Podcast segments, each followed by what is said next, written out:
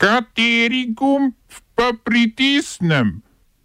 Tisti, na katerem piše OF. Japonska bo ponovno začela s komercialnim kitolovom.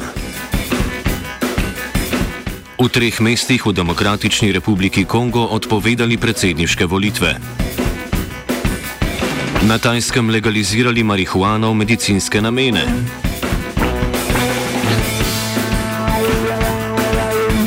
V kulturnih novicah pa o sprevodu detka mraza in še o čem.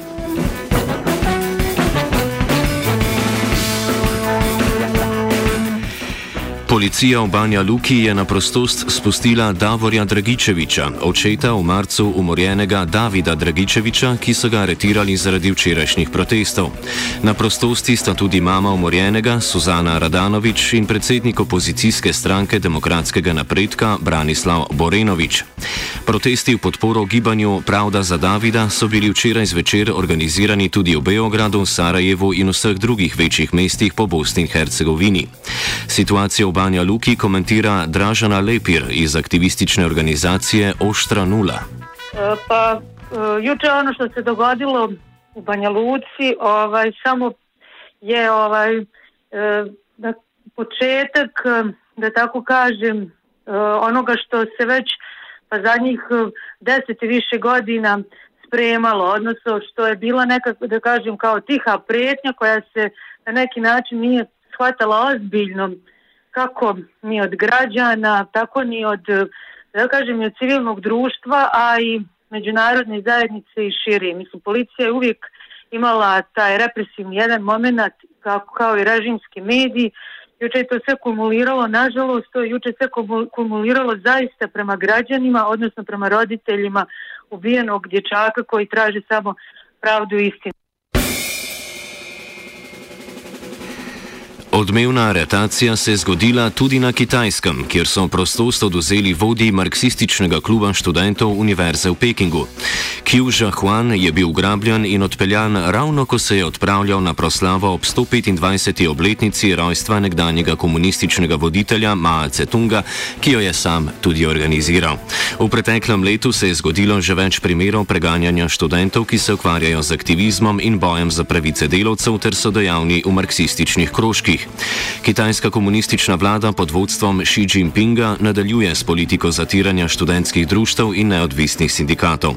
V duhu 40. obletnice gospodarskih reform se partija, bolj kot k študentom, vse bolj nagiba k milijarderjem, ki jih je v parlamentu že preko 100 in pridobivajo vse vidnejšo vlogo.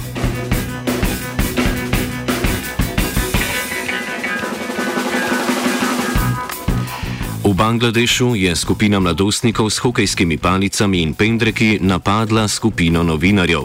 Ti so poročali o bližajočih se parlamentarnih volitvah, ki bodo potekale 30. decembra. Napetost v državi se stopnjuje že od najave volitev v novembru, saj je bilo od takrat po navedbah opozicije aretiranih že več kot 7000 aktivistov in o politično motiviranih spopadih ubitih vsaj šest ljudi. Opozicijsko zavezništvo, ki združuje 18 političnih strank, je prejšnje volitve zaradi nepravičnih pogojev kandidiranja v celoti bojkotirala. Kljub temu, da se bodo tokratnih volitev udeležili, pa zahteve ostajajo enake. Vlado in njene podpornike pozivajo naj prenehajo s političnim in fizičnim nasiljem ter omogočajo pošteno politično kampanjo.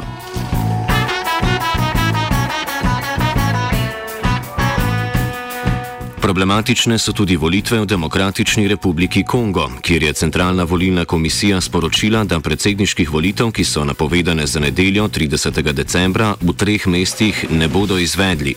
Volitve, ki jih sicer v državi pre prestavljajo, že od novembra leta 2016 v teh mestih onemogočajo oboroženi konflikti ali ebola.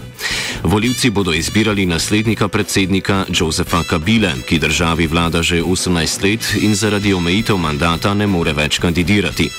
Na volitvah sta glavna tekmeca dosedani finančni minister Emanuel Ramazani Šadari in vodja opozicije Martin Fajulu.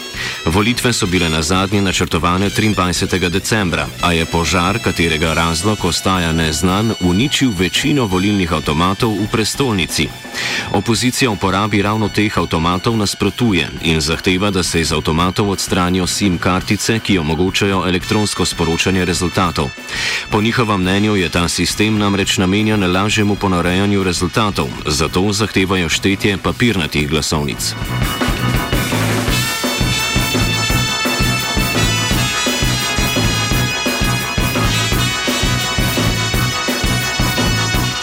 Tiskovni predstavnik japonske vlade Yoshihide Suga je sporočil, da bo Japonska izstopila iz Mednarodne komisije za kitolov in z julijem 2019 v svojih teritorijalnih vodah zopet pričela s kitolovom v komercialne namene.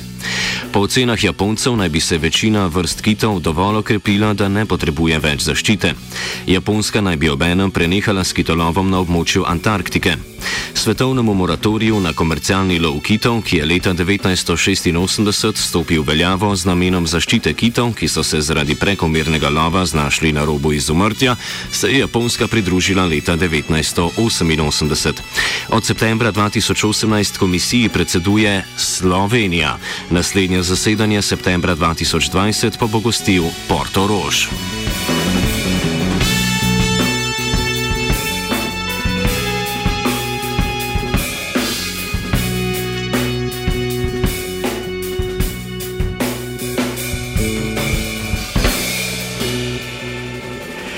Tajska je kot prva država jugovzhodne Azije legalizirala marihuano v medicinske in raziskovalne namene. Uspeh je v primerjavi z Urugvajem in Kanado, ki sta marihuano legalizirala že v rekreativne namene, še vedno zanemrljiv. Vendar je v kontekstu strogega nadzora drog v tem delu sveta, kjer je v nekaterih državah za preprodajo drog predvidena celo smrtna kazen, napredek vseeno velik. Zakon je kontroverzen zaradi patenta, ki so ga predlagala tuja podjetja in ki jim bo omogočal lažje lažje nadzorovanje trga, s tem pa otežil dostop pacijentov in raziskovalcev do marihuane.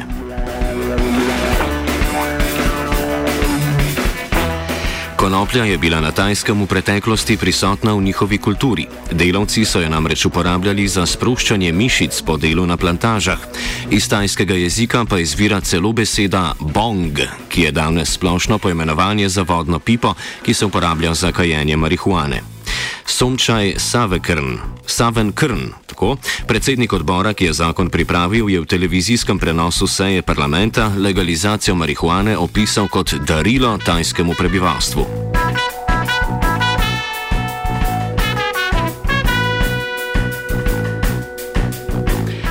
Novoletno darilo so dobili tudi prebivalci Turčije, kjer je 15-članska komisija pod vodstvom ministrice za družino, delo in socialne zadeve Zehre Zumrut Selčuk sprejela odločitev o povišanju minimalne plače za 26,05 odstotka v primerjavi s preteklim letom. S tem naj bi omilili vpliv inflacije turške lire na turške delavce. Turška lira je v tem letu v primerjavi z evrom izgubila tretjino svoje vrednosti.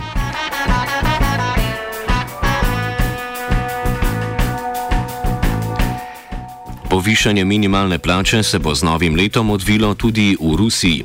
Ruski predsednik Vladimir Putin je podpisal zakon o njenem povišanju za evro in pol, s čimer naj bi dosegla nivo minimalnih življenjskih stroškov v drugem četrtletju leta 2018.